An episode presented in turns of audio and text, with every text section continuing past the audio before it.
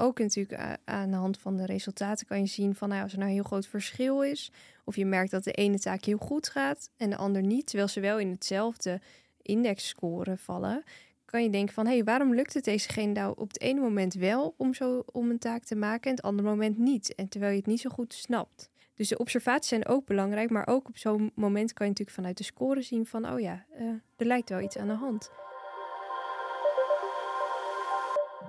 Welkom bij de Pearson Podcast. In deze podcast nemen we je mee in de wereld van diagnostiek en behandeling binnen de geestelijke gezondheidszorg. Ik ben Meerte Wildenbeest, psycholoog en productadviseur bij Pearson en ik interview professionals uit het werkveld om antwoord te geven op vele brandende vragen.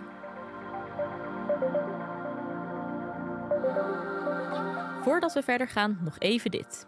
Stel je voor, je neemt een intelligentietest af en je moet voor de afname of interpretatie afwijken van de instructies uit de handleiding. Hoe nu verder? Misschien is dan een van de trainingen uit de reeks Intelligentiediagnostiek bij klinische groepen iets voor jou. In deze trainingen krijg je concrete tips en praktische handvatten die je kunt inzetten bij ADHD, autisme, hoogbegaafdheid, laagbegaafdheid en mensen met een migratieachtergrond. Kijk voor meer informatie op www.pearsonclinical.nl/podcast.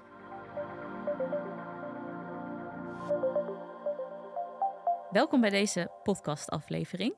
We gaan in deze aflevering de volgende vraag beantwoorden, namelijk wat is de invloed van intelligentie op neuropsychologische testresultaten?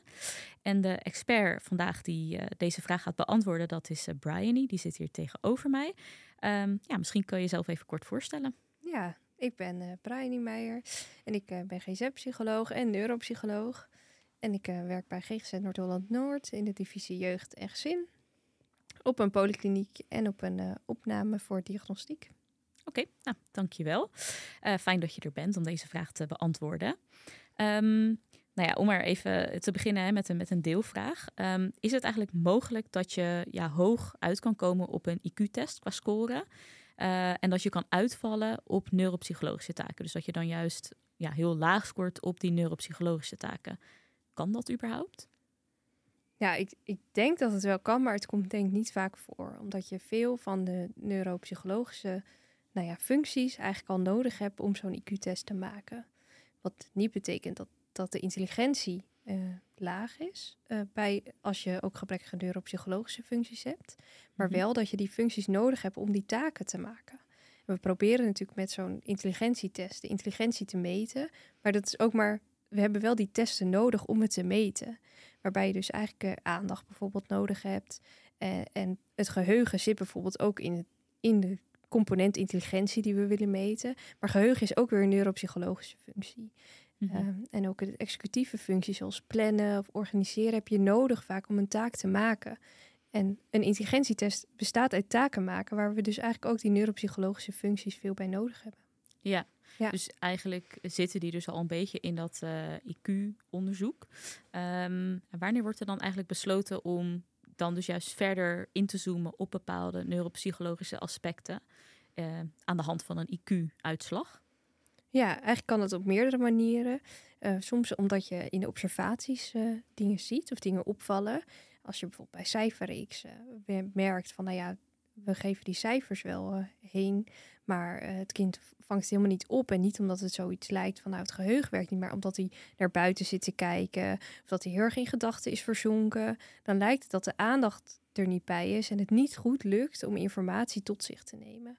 En dat zou natuurlijk een reden kunnen zijn om ook te meten van hey, hoe is het nou eigenlijk met die aandachtsfuncties en lukt het wel om informatie tot je te nemen?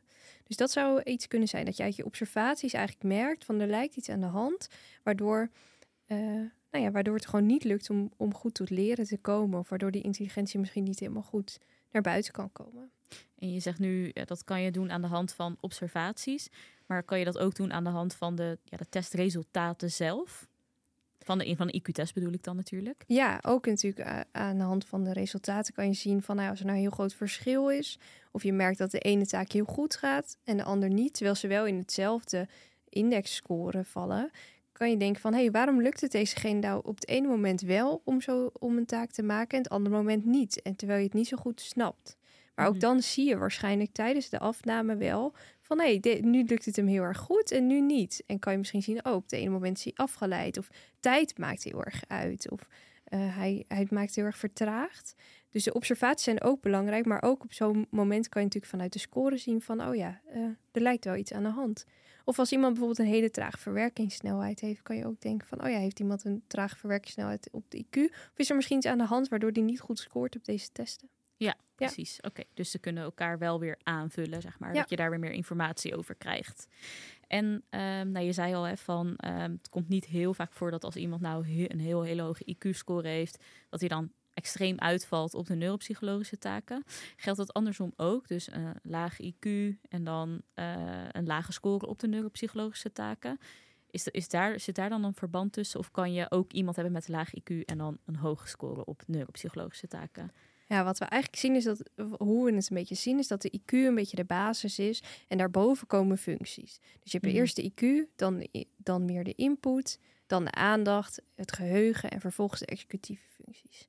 Wat betekent dat hoe lager je zit in die piramide, uh, dat heb je nodig voor de volgende functies. Je kan mm. bijvoorbeeld wat ik net gaf met die cijferreeksen. Je hebt aandacht nodig om iets op te slaan. Als je al moeite hebt met je aandacht, lukken de geheugenfuncties vaak ook slechter. Je moeite dit zit lager in de piramide, dus daar heb je moeite mee, waardoor hogere functies eigenlijk niet lukken. Dus als je al moeite hebt met IQ, wordt er eigenlijk ook verwacht dat je hogere functies ook moeilijker gaan. Dus ja. functies van aandacht, geheugen, uh, executieve functies. Ja. Dus hoe lager in de piramide al moeite is, hoe wordt er eigenlijk verwacht dat functies hoger in de piramide ook moeite geven. Ja, dat klinkt inderdaad wel heel, heel logisch eigenlijk hoe je het nu uitlegt. Um, maar het lijkt me het wel lastig, want als je hey, iemand is er eh, die scoort gemiddeld bijvoorbeeld op een IQ-test en je hebt aanwijzingen dat je denkt van nou ik wil toch um, ja, wat meer uh, onderzoek doen naar bepaalde onderliggende neuropsychologische vaardigheden. Um, ja, hoe interpreteer je dan die vaardigheden in het licht van uh, de resultaten van het van IQ, zeg maar? Hoe koppel je die aan elkaar? Ja. ja, en waarschijnlijk is er dan ook een reden waarom je dat denkt. Want waarschijnlijk loopt zo iemand wel vast ergens. En denk je, nou, er zal wel iets zijn waarom we moeten denken dat er iets neuropsychologisch niet goed is. Dus iemand heeft moeite bijvoorbeeld met school, maar er zijn wel gemiddelde intelligentievaardigheden. Dus dan ga je waarschijnlijk verder kijken van hoe kan het dat zo iemand wel vastloopt. Dan ga je in gesprek met school, met ouders, van wat merken jullie? Uh, en dan kan je wel verder gaan kijken van wat maakt dat dan? En misschien had deze jongere wel een hoog gemiddeld intelligentieniveau gehad als hij zijn aandacht er wel volledig bij kon houden. Of als de executieve functies beter waren. En dat weet je natuurlijk niet, uh, omdat je niet gemeten hebt hoe het was zonder deze functie, als de functies wel optimaal zouden werken. Ja. ja, en dan vraag ik me ook af, want uh, nou, je noemt hè, iets van aandacht. Uh, maar ik kan me ook voorstellen dat mensen wel eens uitvallen op uh, component werkgeheugen. Ja. Uh, nou weet ik dat daar dus trainingen zijn. Hè? Dus stel je onderzoekt dat met een uh, neuropsychologische test speciaal voor werkgeheugen. Nou, je komt erachter, diegene die scoort uh, laag erop. Dan zet je een behandeling op gericht of zo'n training gericht op werkgeheugen. Um, en stel je neemt daarna weer een IQ-test op. Um, ja, kan het dan zijn dat het bijvoorbeeld die component zo is verbeterd dat het hele IQ ook omhoog gaat? Kan, ja, is dat kan dat überhaupt? Ja, bij werkgeheugen specifiek is daar natuurlijk een behandeling voor, de ja. training, om dat werkgeheugen te verbeteren. Dus het zou kunnen dat daarna inderdaad op het IQ het werkgeheugen omhoog zou gaan. En omdat het IQ uit indexen bestaat, dus als, als het werkgeheugen de enige index is die wat lager was, uh, betekent dat dat ook, want het totaal IQ bestaat weer uit de gemiddelde van verschillende taken daarop, dat ook het totaal IQ dan wat omhoog zou gaan. Ja. Heb je dat wel eens gezien ook in de praktijk? Dat dat zo. Nee, eigenlijk niet eh, dat het daarna nog gemeten wordt. Maar het zijn natuurlijk wel zo. en dat er in de praktijk dan ook veel, uh, ja, veel aan hebben, die kinderen. Ja. Ja, ja. En wat voor neuropsychologische taken neem jij nou uh, vaak af? Aan de hand van een IQ-profiel bijvoorbeeld? Ja, nou ja, we kijken wel vaak naar informatieverwerking. Hoe slaat een kind eigenlijk informatie op? Hoe komt informatie bij hun binnen? Zowel talig, maar ook visueel. Uh, dus dat is eigenlijk de eerste stap naar intelligentie in zo'n piramide. Mm Vervolgens ook veel naar aandacht. Uh, hoe is de aandacht? Zowel op één ding, maar ook als je je aandacht moet verdelen. Hoe hou je je aandacht eigenlijk vol? Dus als het wat langer is. En raken ze dan afgeleid of zijn ze misschien impulsief? En impulsief is eigenlijk weer een wat hogere functie. -hmm. uh, maar ook geheugen. En dan gaat het om talig geheugen, maar ook om visueel geheugen. kort, kort, dus even snel, maar ook wat middellang, dus iets langer geheugen. Kan, kunnen ze na een tijdje het ook nog onthouden, zowel visueel als talig. Eh, maar ook het werkgeheugen, maar dat zit al in de intelligentietest. Dus Ja. hoeft vaak niet meer aanvullend daarna nog gedaan. Of kan nog een andere werkgeheugentaak doen om eh, wat extra materiaal daarvoor te hebben. Ja. En dan heb je de executieve functie nog, zoals ik net zei. Het, eh, vooral de impulsief zijn, maar ook het plannen, het organiseren, tijd. En je hebt ook nog reactiesnelheid, überhaupt het werken eh, tempo. Dus zo kunnen verschillende functies eigenlijk gemeten worden. Afhankelijk van wat de vragen zijn waar je eigenlijk verwacht dat, dat er moeilijkheden zitten bij een jongere. Of misschien juist de sterke kanten waarmee ze kunnen compenseren. Het is niet dat je standaard in een eh, echt een, een neuropsychologisch onderzoek dat je dan al deze facetten afgaat. Het ligt dus echt puur aan de vraag.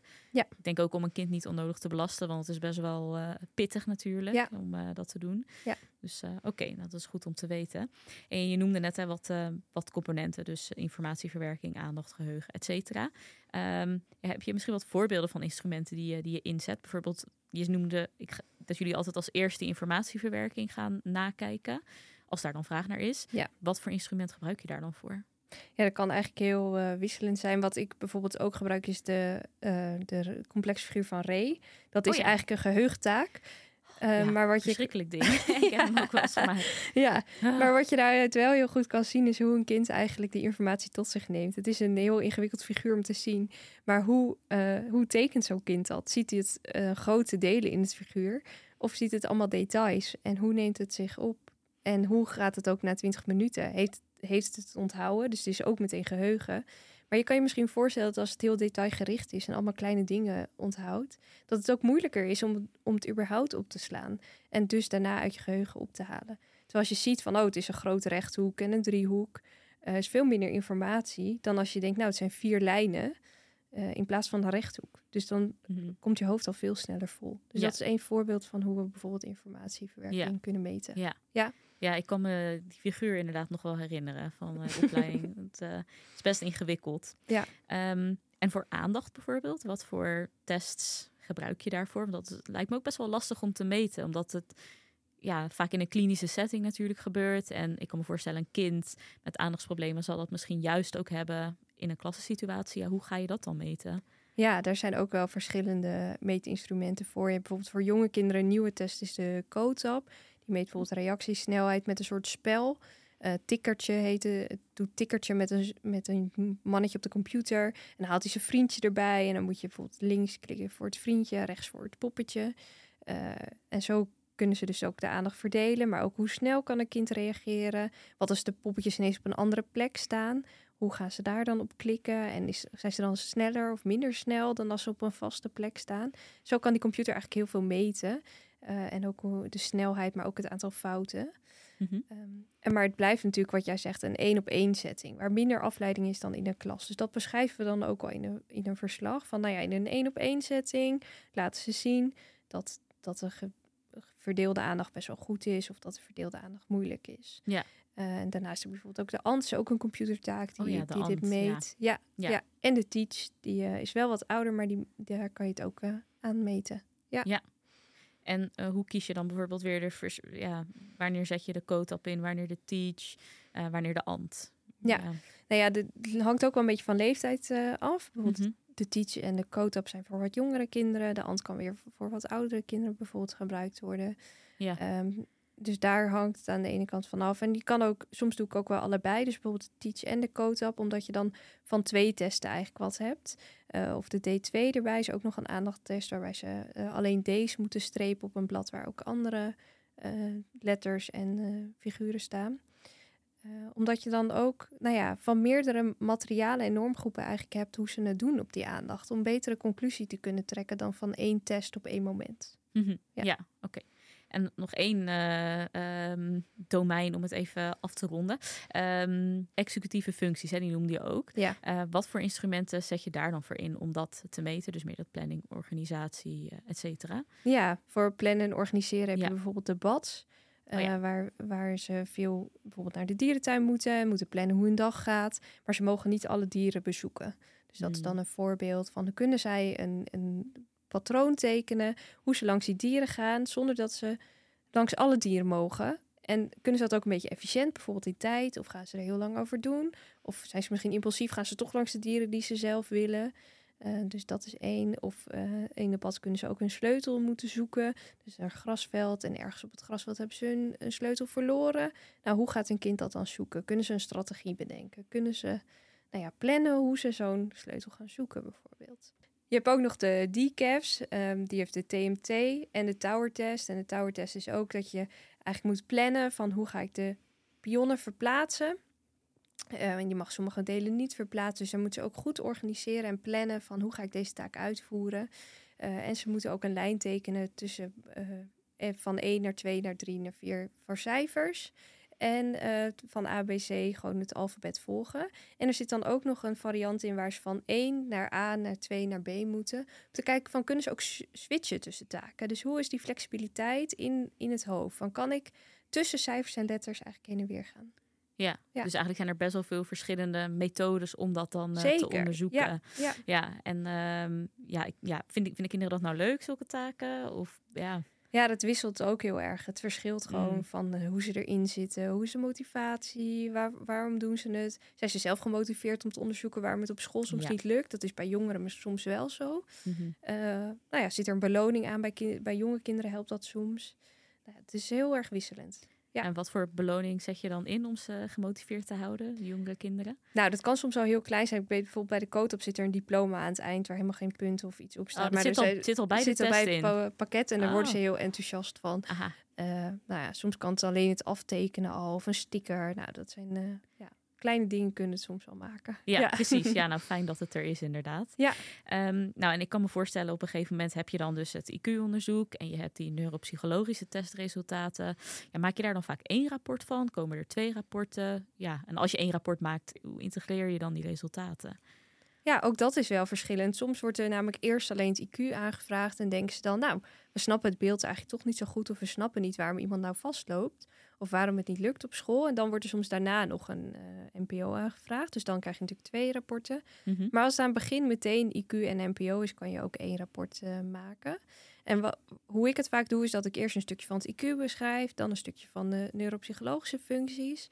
En dan een stukje daarna nog van totaalbeeld. Dus hoe hangt het eigenlijk samen? En kunnen we bijvoorbeeld de scores binnen het IQ snappen binnen de neuropsychologische functies? Of nou ja, in die piramide eigenlijk kunnen we die piramide goed snappen.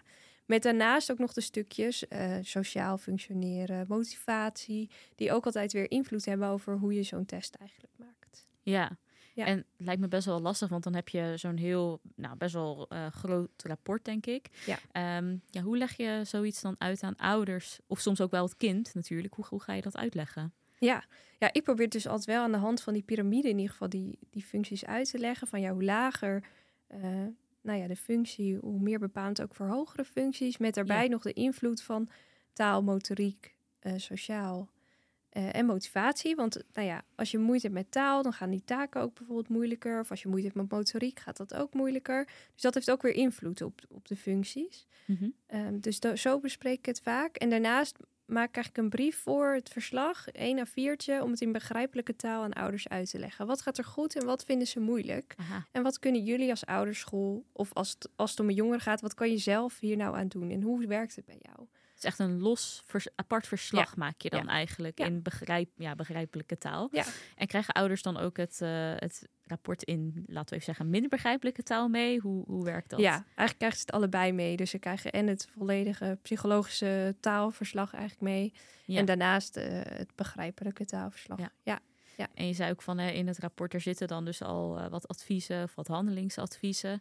Ehm, en ik, ja, ik, ik kan me zo voorstellen dat dat juist ook best wel wat moeilijk is. Hè? Het vertalen van ehm, de klinische setting naar een advies voor eh, ja, in de praktijk. Ehm, hoe weet je of je advies een succes is geworden? Ja, ik weet niet of je het altijd weet, maar het is wel altijd goed om, om te volgen en te bespreken. Dus en eh, mee te gaan misschien naar school. Van hey, eh, dit is hoe, hoe wij het zien.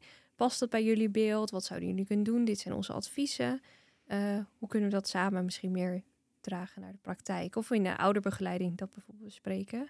Ja. En als het, als het gaat om jongeren, het ook gewoon met hunzelf. Van nou ja, je, je hebt moeite met informatieverwerking, visueel bijvoorbeeld. Het stapelt veel op in je hoofd.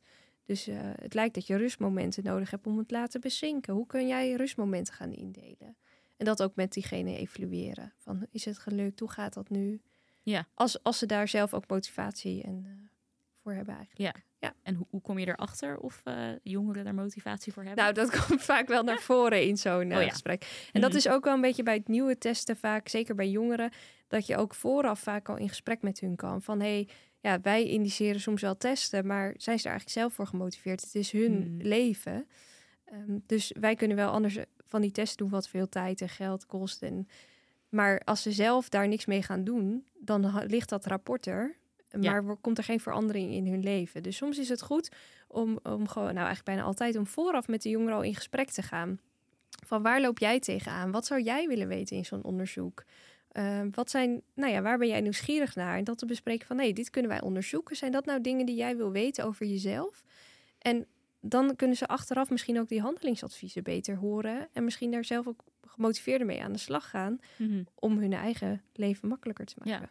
Oh, dat is wel een goede tip inderdaad, denk ik. En eh, wat nou als ehm, ja, jongeren aangeven van ja, ik ben niet echt gemotiveerd, eh, maar ouders willen het bijvoorbeeld wel heel graag, het onderzoek. Dat lijkt me dan best wel een lastige situatie. Besluit je dan wel eens om onderzoek dan maar niet af te nemen? Of ja, hoe, hoe werkt dat? Ja, ik ga daar dan wel nog over in gesprek met, met eh, ouders en met jongeren. Ja. Van wat maakt dat je ouders dit wel willen en denk je dat je daar dan toch wat misschien wat aan kan hebben. Ja, En, en is jouw ervaring dat jongeren dan vaak toch wel overstag gaan? Of ja, ja, vaak willen ze dan uiteindelijk toch wel Ja. eh, meedoen. Ja. als ze het nut er maar een beetje, een beetje van inzien, eh, Ja. lijkt me inderdaad. Ja. ja. Oké. Eh Bryony, hartstikke bedankt voor eh, je antwoorden op deze, op deze vragen. Ik denk dat mensen er heel veel eh, aan hebben gehad. Dus eh dank je wel. ja, graag gedaan. Vond je dit een interessante podcast? Volg dan ons kanaal zodat je op de hoogte blijft van nieuwe afleveringen. En deel de podcast gerust met je collega's als je hem interessant vond. Wil je een vraag insturen of jouw feedback met ons delen? Dan kan dat via pearsonclinical.nl/slash podcast. Daarnaast hebben we ook een speciale actie voor onze podcastluisteraars. En deze is te vinden op dezelfde site, dus pearsonclinical.nl/slash podcast. Tot de volgende keer!